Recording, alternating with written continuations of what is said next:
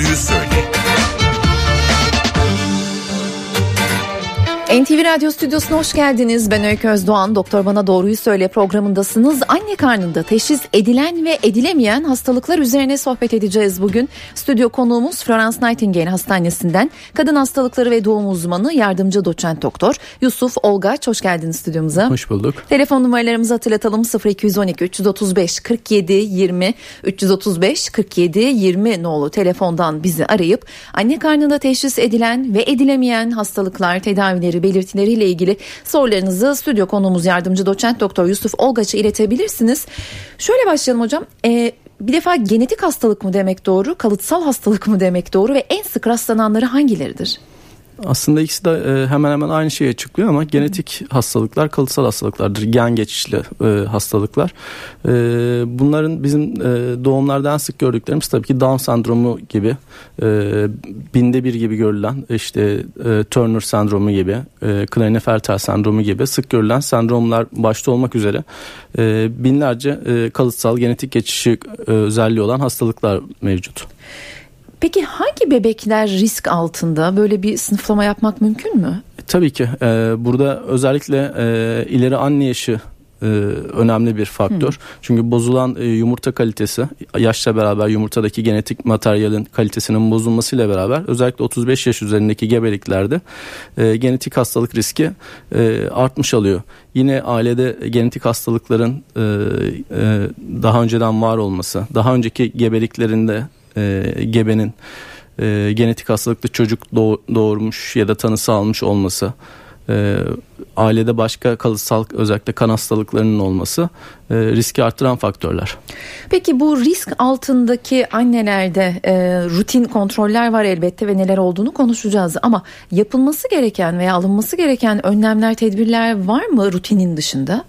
Genetik hastalıklarda e, rutinin dışında belli e, genetik hastalıklarda e, gebelik planlarken daha e, doktor muayenesi çok önemli. E, özellikle genetik danışmanlık alması gebelik öncesi süreçte. E, gebelikte neler yapılabilir? E, her genetik hastalıkta çünkü izlenecek yol farklı olabiliyor. E, daha masum olanları ve daha ağır olanları olabiliyor bunların. Buna göre e, genetik danışmanlık doğrultusunda gebeliğini planlamasını öneriyoruz. Peki e, hamilelikte rutin kontroller nelerdir? Hangi taramalar yapılıyor? Ee, genetikle ilgili taramalar e, genellikle 11. haftada başlıyor. Bizim ikili test dediğimiz e, testimizle başlıyor. Burada ense kalınlığı ölçümü yapılıyor. Bebeğin burun kemiği Down sendromu belirteçlerinden birisi olması nedeniyle bakılıyor. Ve annede bazı e, hormon değerleri ölçülüyor. Annenin etnik kökeni, e, genetik özellikleri, bir bilgisayar programında e, belli verilere birleştirilerek bir risk analizi yapılıyor. Bu risk analizi bize e, bebekteki genetik hastalık riskini söylüyor. Ayrıntılarına sonra girelim. Dilerseniz başlık olarak verelim. E, kaçırılmaması gereken o rutin kontroller hangileridir diye bir başlık atalım. İkili test, üçlü test dediniz. Başka? İkili ve üçlü test ana e, testler. Bunun dışında e, yaklaşık be, gebeliğin 5. ay gibi riskli gebelik uzmanlarının, perinatoloji uzmanlarının yaptığı detaylı ultrason dediğimiz 4 boyutlu ultrason e, taraması gene önemli bir test. Bunları tamamladığı zaman zaten bunlar normal olduğu zaman e, genetik olarak ekstra bir e, taramaya gerek duymuyoruz. E, şeker taraması çok tartışıldı. Hala da kimi zaman tartışılıyor. Hepimiz de yaptırdık. Sonuçları ne işe yarıyor ve neden tartışılıyor? Genetik e, e, Şeker şekerle ilgili e, aslında kadın doğumcular olarak bizim e, görüş birliğimiz var. E, burada biz çok kendi aramızda tartışmıyoruz bunu aslında. E, bizim kendi e, jinekoloji obstetri derneğimizin de açıklamaları, gene endokrinoloji derneklerinin açıklamaları, yurt dışındaki benzer e, birliklerin açıklamaları aynı yönde. 24. hafta ile 28. hafta arasında özellikle riskli e, anne grubunda 50 gramlık bir şeker yükleme testiyle e, şekeri provoke ederek var olan bir e, şekeri ortaya çıkarmaya yönelik. Buradaki amaç e, gebelikte oluşacak e, gestasyonel diyabet dediğimiz gebelik şekerinin anne ve bebek üzerindeki olumsuz etkilerinden kurtarmak. Çünkü e, şeker yüklemesi yapmadığınız zaman sadece şeker takibi yaparak e, bu e, şeyi e, tanıyı koymanız mümkün olmayabiliyor. E, yüksek şeker anne için ve bebek için bir stres faktörü yaratıyor. Özellikle e, bebekte e, organların fazla büyümesine, e, hiperglisemi durumuna ve daha sonrasında bazen anne bebek ölümlerine, anne karnında ya da doğumdan sonra bebeğin ani kaybına, e, gene iri bebek doğumları ile ilgili doğum e, sorunlarına, annenin de yine ileriki hayatında takip eden 20 yıl içerisinde %50'sinde kalıcı olarak şeker hastalığının gelişmesine neden olabiliyor. E, basitçe insülin tedavisiyle, diyetle e, biz bunların tedavisini yapabildiğimiz için e, bizim için masum bir test. Çünkü e, karşılığında göreceğimiz sonuçlar çok daha ağır. Ense kalınlığı testi rutinde var mıydı? Rutinde var. Yıl e, son 20 yıldır hemen hemen e, rutin Niçin olarak yapılıyor. Bunu? Ense kalınlığı bizim için ultrasonda bir belirteç. E, bebeğin ense cildindeki e, sıvı miktarının e, milimetre cinsinden e, ölçümüyle yapılıyor. Buradaki sıvı miktarı belli durumlarda artıyor. Nedir bu durumlar? Belli genetik hastalıklar, Down sendromu gibi, diğer trizomi e, 13-18 gibi durumlarda ve kalp hastalıklarında e, buradaki ödem arttığı için bizim için önemli bir belirteç. E, burada tabii e, tahmin ettiren bir e, belirteç bu. Kesin olarak bizde bu bebekte bir sorun var ya da yok demiyor. Sadece bebekte risk olarak daha fazla risk var genetik hastalık açısından ya da kalp hastalığı açısından diyor. Biz bu bebekleri biraz daha iri e, tekniklerle daha kesin tanı yöntemleriyle taramaya başlıyoruz. Peki bunlar rutinler. Rutinin dışında riskli anneler, gebeler söz konusuysa yapılacak olan ya da en sık yapılan testler, taramalar hangileri? Ee, kesin olarak tanı koymamız gerekiyorsa annede genetik bir te, e, tanı istenilen test e, gerekiyorsa amniyosentez gibi yani anne karnında amniyos mayisinden örnek almak gibi ya da kordon kanından kordosentez yapmak gibi ya da daha erken haftalarda CVS dediğimiz bebeğin plasentasından doku örneği alarak direkt DNA bakılması gibi yöntemler uygulanıyor. Bu testlerin doğruluğu %100'dür yani kesin tanı koydurucudur hmm. bu testler. E, maliyetlerinin fazla olması sağlıklı gebeliklerde düşüklere neden olabilmesi gibi nedenlerden dolayı her gebeye rutin olarak yapmıyoruz. Sadece riskli gebelik durumu varsa genetik hastalık açısından aileyle bunu paylaşarak ailenin onamı alınarak bu testleri yapıyoruz. Telefon numaralarımızı hatırlatalım dinleyicilerimiz için 0212 335 47 20 335 47 20 nolu telefondan bizi arayıp anne karnında teşhis edilen edilemeyen hastalıklarla ilgili sorularınızı uzmanımıza iletebilirsiniz. Yardımcı doçent doktor Yusuf Olgaç stüdyomuzda. Ee, peki bu testlerin %100 güvenilirliği vardır dediniz. Her test için soruyorum bunu. Yani rutinde ve rutinde olmayan bir kere yapılması yeterli midir? Teyidi almaya ihtiyaç yok mudur?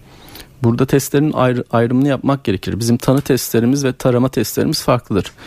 İkili test yani ense kalınlığının ölçüldüğü 11-14 hafta testi, üçlü test, dörtlü test. Bu testler tarama testleridir ve %100 güvenilir değildir bu testler.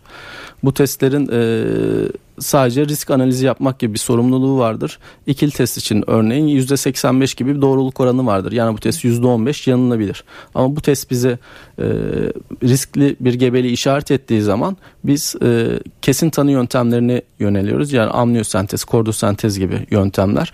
Bunların tanı gücü %100 ama e, bebekte kayıp oranında göz önüne alınması gerektiği için ancak riskli durumlarda yapabiliyoruz. Bunlara alternatif olarak son yıllarda e, son 3-4 yılda anne karnında fetal DNA bakılmaya başlandı. Artık ülkemizde de son e, bir yıldır yap, yapan firmalar var. Nedir o? E, anneden alınan kanın içerisinde bebeğin DNA hücreleri ayıklanıyor ve buradan direkt e, bebeğin genetik e, özelliklerini bize söylüyor bu test. Bu testte e, doğruluk oranı %100 olmasa da %99 gibi bir doğruluk oranına sahip olması nedeniyle e, ailelerin son dönemde sıkça te- tercih ettiği bir yöntem. Avantajı bebekte düşük riski yaratmaması yani sadece anneden kan alınarak yapılması.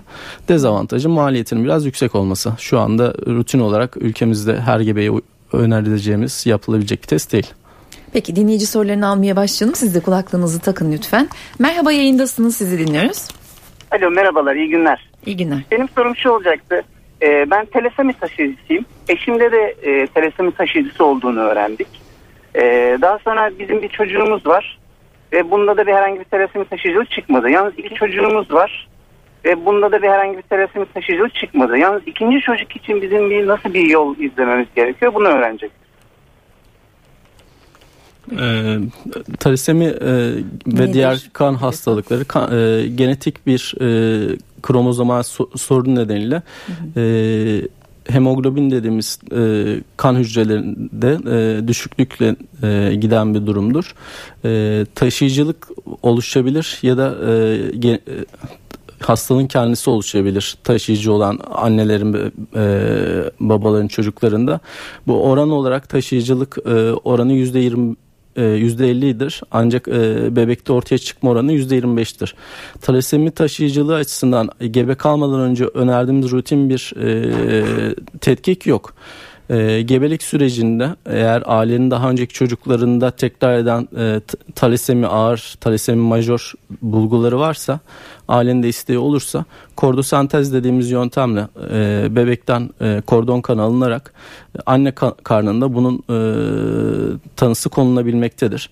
Ya da e, gebelik öncesi dönemde PGT dediğimiz pre e, implantasyon yani gebelik oluşmadan önce e, genetik materyalin e, sperm ve yumurtanın incelenerek uygun spermin nakli gibi bir yöntem vardır. Ama bu yöntem e, s- talasemi taşıyıcılarında önerdiğimiz bir yöntem değildir. Ancak tüp bebek tedavisi yapılacaksa doğal olmayan bir yönde, yöntemle ha- hasta gebe kalacaksa bu gebelik sırasında PGT önerilebilir bu hasta grubuna. Diğer dinleyicimizi aldık yayına 0212 335 47 20 telefon numaramızı da hatırlatalım. Buyurun yayındasınız. Merhaba. Alo merhaba. Yayındasınız buyurun lütfen. Ee, bir sorum olacaktı da. Ee, biz şu anda bir bebeğimiz var. Ee, 36. haftada şu anda. Allah bağışlasın. Ee, teşekkür ederim. Ee, şimdi biz en başta Down sendromu teşhisi kondu. Burun kemiği yokluğu gözlendi. Yaklaşık 22. haftada. Ee, ondan sonra biz Down sendromlu diye hazırlık yapmaya başladık. Ee, ondan sonra amniyosentez bize e, tavsiye etti doktorumuz. Ee, biraz te- tereddütte kalsak da yaptırdık bu testi. Hazırlık e, yaptığımız için yani Down sendromunun eğitimlerine kadar hepsini e, ne olduğunu, nerede yapıldığı hepsini öğrendik. Ama amniyosentez sonucunda Down sendromlu olmadığı kesinlikle e, çıktı. Yani şimdi burun kemiği hem olmayıp şimdi internette çok araştırma yaptık. Burun kemiği yoktu varsa Down sendromlu teşhisi konuyor. Ama e, şimdi hala burun kemiği gözlenmiyor. 36. haftadayız. Ama e, amniyosentez sonucunda da e, Down sendromlu olmadı. Sadece e, başka bir kromozol hastalığı da gözlenebilir diyorlar. Sıvı çok net değil diye. Öyle bir e, madde düştüler. Biz şu anda bekliyoruz tabii doğumda belli olacak ama bunun kemiği olmayışı bunu neye bağlayabiliriz başka? Evet, e, amniyosentez yapılmış sonuçta e, burun kemiğinin olmaması e, e, Down sendromundaki belirteçlerden birçok belirteci var Down sendromunun ultrason bulgusu olarak. Bu belirteçlerden sadece birisi burun kemiğinin hipoplazisi yani az gelişmiş olması ya da tamamen o, olmaması. Biliyorsunuz Down sendromu bebeklerde burun kökü basıklığı vardır. Tipik bir yüz şekilleri vardır. Ama bu normal bebeklerde de görülebilir. Tek e, burun kemiğinin olmamasına bakarak bu bebek Down sendromudur demeyiz. Sadece risk artışı e, fark edilmiş ve hekim zaten amniyosentezde kesin tanıya yönlendirmiş hastayı. Amniyosentez sonucunda da bir kültür yapılmış ve kültür sonucunda genetik olarak Down sendromu bulunmadığı söylenmiş. E, bebekte amniyosentez sonucuna göre zaten Down sendromu olmayacaktır. Geçmiş olsun diyelim. Diğer dinleyicimizi aldık yayına. Buyurun lütfen sorunuzu dinliyoruz. Ee, bir kızım vardı mikrooftalmi e, hastası olarak doğmuştu. Ee, doğumda e, doğumdan önce herhangi bir e, tüm testlerini yaptı, e, yaptırmıştık. İkili üçlü testleri. Hı hı. Ee, ama mikrooftalmi olarak doğdu. Ee, bunun anne karnında gelişimi gözleniyor mu? Ee, gözde bir sorun mikrooftalmi hastalığı. Anne karnında e, hamilelik döneminde bu e, görülebilir mi, tespit edilebilir mi? Bunu bir öğrenmek için e, Yusuf Bey'i rahatsız ettim. Estağfurullah. E, mikroftalmi tabii e, gözdeki atrofi bulgularıyla giden bir durum. Rutinde e, aslında 5. E, ayda bahsettiğimiz detaylı ultrason taramasında e, orbitalar, göz şekli, yapısı, e, göz çukurlarının ve orbitaların içerisindeki göz e, kürelerinin e, durumu e, mutlaka bakılıyor ama her gebede rutin baktığımız bir şey değil. Mikroftalmi de her gebede özellikle taraması yapılan bir durum değil. E, bunun için e, e, gebelik sürecinde e, gözden kaçabilir. Bir dinleyicimiz daha var. Sonrasında dinleyici telefonlarına çok kısacık bir ara verelim ve SMA, SMA ve serebral palsi hastalıklarında konuşalım istiyorum. Bu dinleyicimizi de aldık yayına. Buyurun sorunuzu dinliyoruz. Alo. Radyonuzun sesini kısar mısınız lütfen? Ha, iyi Yayındasınız günler. buyurun. Ee, iyi günler, iyi yayınlar. Hı hı. Ee, ben e, iki tane erkek oğlumda retinaplastom hastalığı çıktı. Acaba bu retinoblastoma hastalığı e, genetik testlerde çıkıyor mu? Belirleniyor mu? Evet retinoblastoma hastalığı özellikle retinoblastoma geni dediğimiz e, kanserojen genlerden birisiyle aktarılıyor. Bu e, bununla ilgili sizden ve eşinizden genetik materyal alınarak e, genetik bir e, planlama yapılabilir. E, kanserle ilgili e, önemli bir gendir ve bunun e, taraması yapılmaktadır günümüzde. 0212 335 47 20 telefon numaralarımız dinleyici sorularını yanıtlamaya devam edeceğiz. SMA Türkiye'de bilinen ismiyle gevşek bebek sendromu e, son zamanlarda ya çok sık görülmeye ya da daha sık görülmeye ya da daha sık e, farkındalık arttığı için konuşulmaya başlandı onu bilmiyorum ama nedir?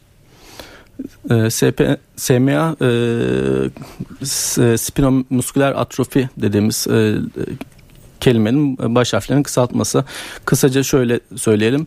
Bizim omuriliğimizde ve beyin kökümüzdeki sinir hücrelerinde e, dejenerasyon dediğimiz oradaki proteinlerin üretilen proteinlerin yıkımıyla giden e, ve bunun sonucunda özellikle vücuda yakın kaslardan başlayarak ilerleyici bir şekilde tüm e, kas gruplarını zamanla etkilemeye başlayan e, kas güçsüzlüğü ve kaslarda küçülmeyle ilerleyen bir e, sendromdur.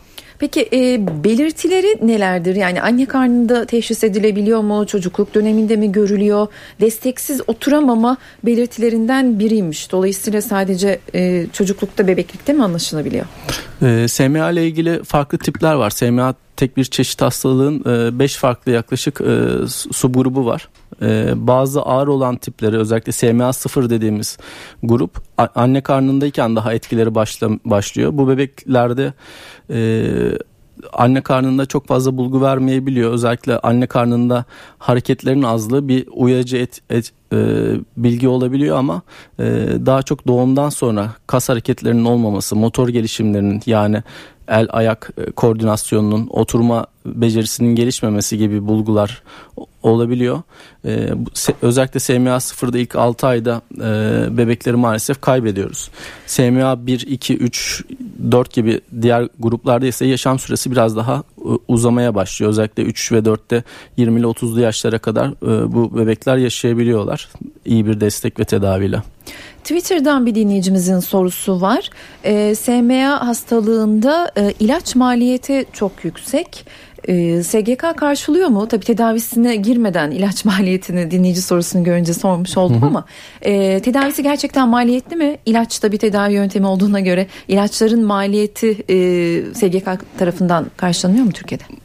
Şimdi e, SMA'nın tedavisi e, genetik bir tedavisi maalesef şu anda yok. Çalışmalar devam ediyor. Bununla ilgili kullanılan ilaçlar özellikle rekombinant DNA teknolojisi kullanılarak işte virüsler kullanarak e, gen aşılamaları ile ilgili çalışmalar umut vaat ediyor ama henüz bunlarla ilgili bir çözüm yok. Kesin bir tedavisi yok. E, şu anda yapılma, yapılmakta olan aslında semptomatik tedaviler. İşte e, bebekte oluşan solunum güçlüğüne dair işte skolyoz gelişebiliyor, ameliyat edilmesi gerekebiliyor. E, ekstremitelerde yani e, eklem yerlerinde sorunlar ol, olabiliyor.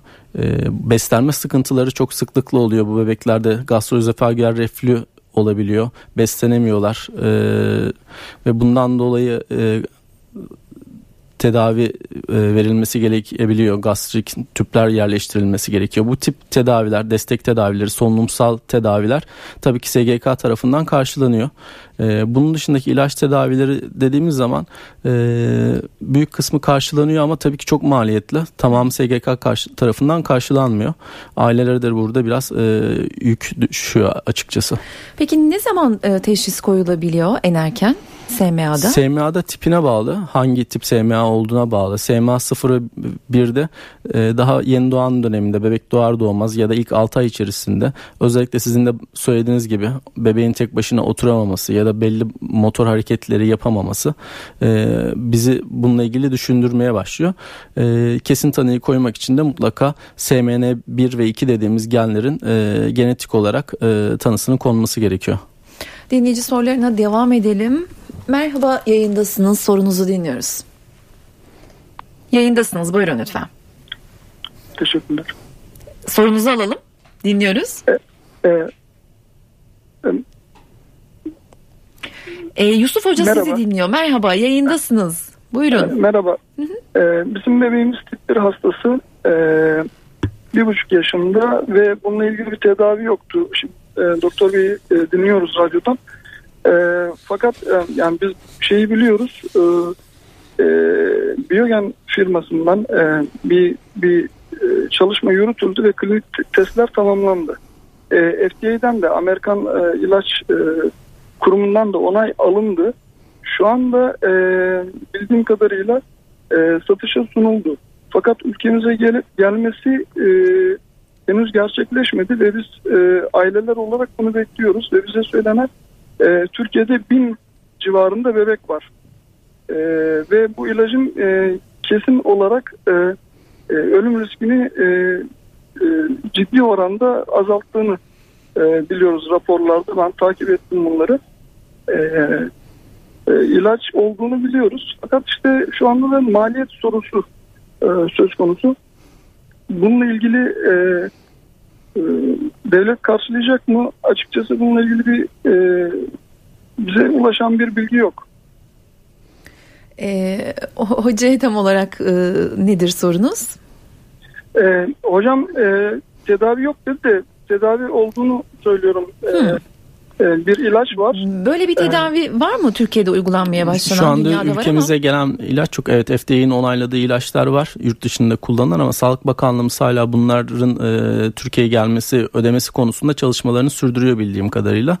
E, ilerleyen süreçte bu ilaçlar kullanılmaya başlanacak ama e, kesin tedavisi olan işte e, SMA'yı düzeltecek e, bir tedavi henüz e, on, bulunmadı. Sadece semptomatik tedaviler sunan e, seçenekler bu ilaçlar şu an e, tabii ki yararı var ve bu bebeklerin yaşam süresini ciddi oranda arttıracak bu tedaviler. Peki hem geçmiş olsun diyelim hem teşekkür edelim. Diğer dinleyicimizi aldık yayına sorunuzu dinliyoruz. E, merhaba iyi günler iyi yayınlar. Teşekkürler. E, bizde sürekli yaşanan e, düşükler sonrasında doktorun önerisiyle e, genetik test yaptırdık ve bende e, 11 ve 18. kromozomlarda translokasyon tespit edildi. Akabinde e, biz tüp bebek e, ile ilgili işlemlere başladık ve e, PGD ile birlikte bir e, kızımız oldu. Şimdi onda e, benim gibi taşıyıcı mı yoksa tamamen sağlıklı mı? Bunun için test mi yaptırmamız gerekiyor yoksa ikili test bunların belirtisi midir yani e, gebelik döneminde? Bir de e, tamamen sağlıklı ise ki inşallah öyledir. E, onun e, çocuklarına geçme ihtimali var mı? Yani öyle bir e, gelecek nesile bir aktarım oluyor mu benden dolayı? Şu an çocuğunuz dünyaya geldi mi? E, şu anda inşallah kısmetse 2 yaşına basmak üzere. Evet.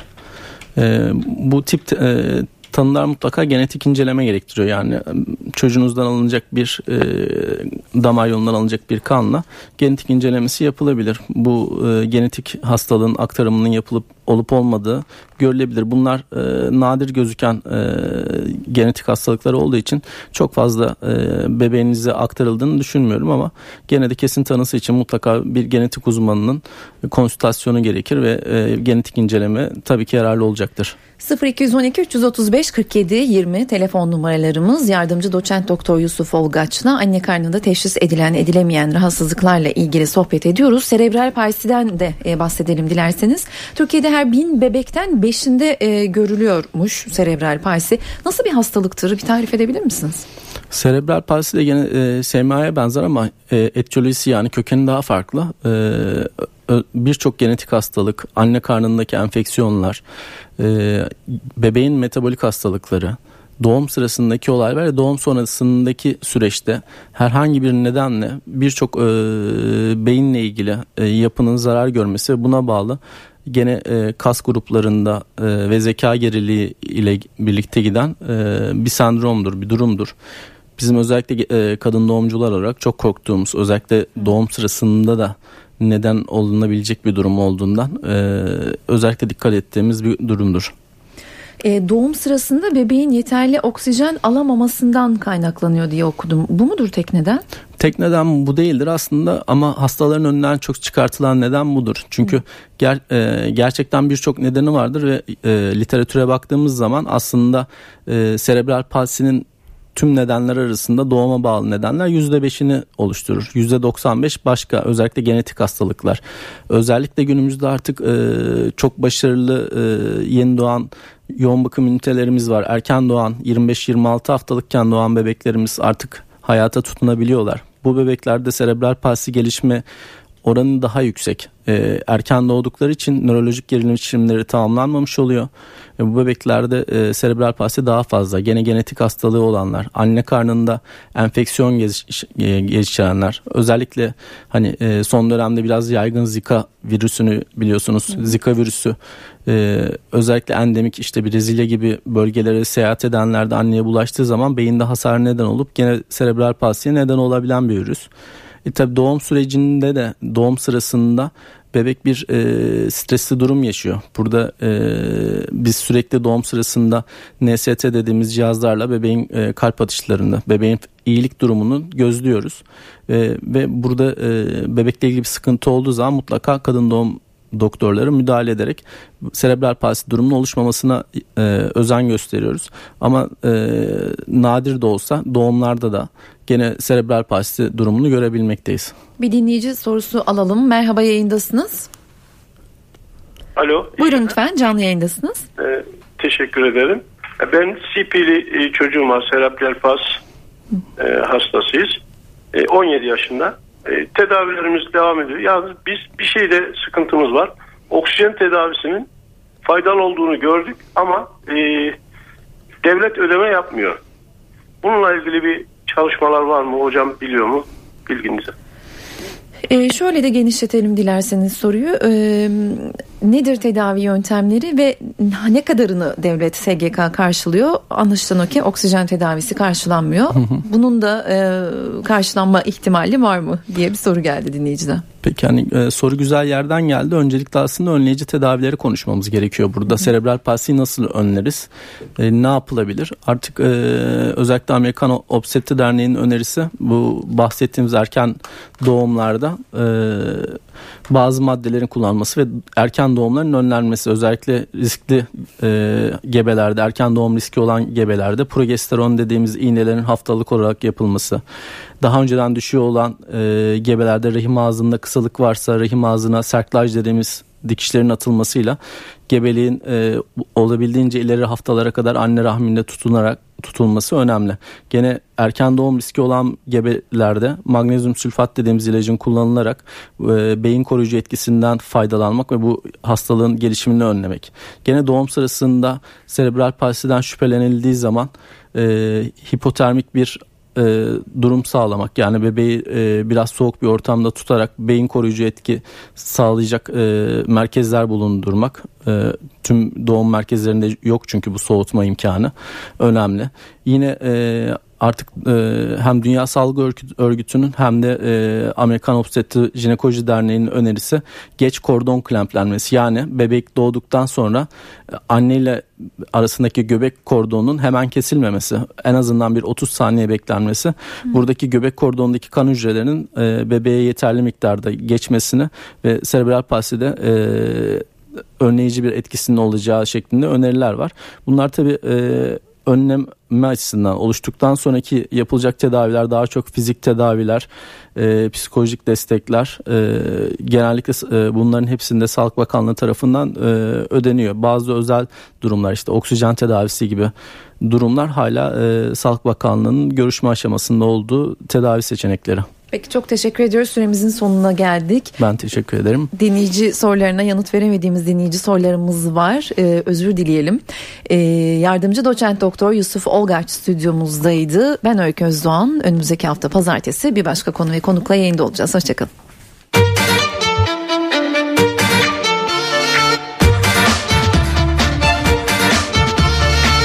Doktor bana doğruyu söyle.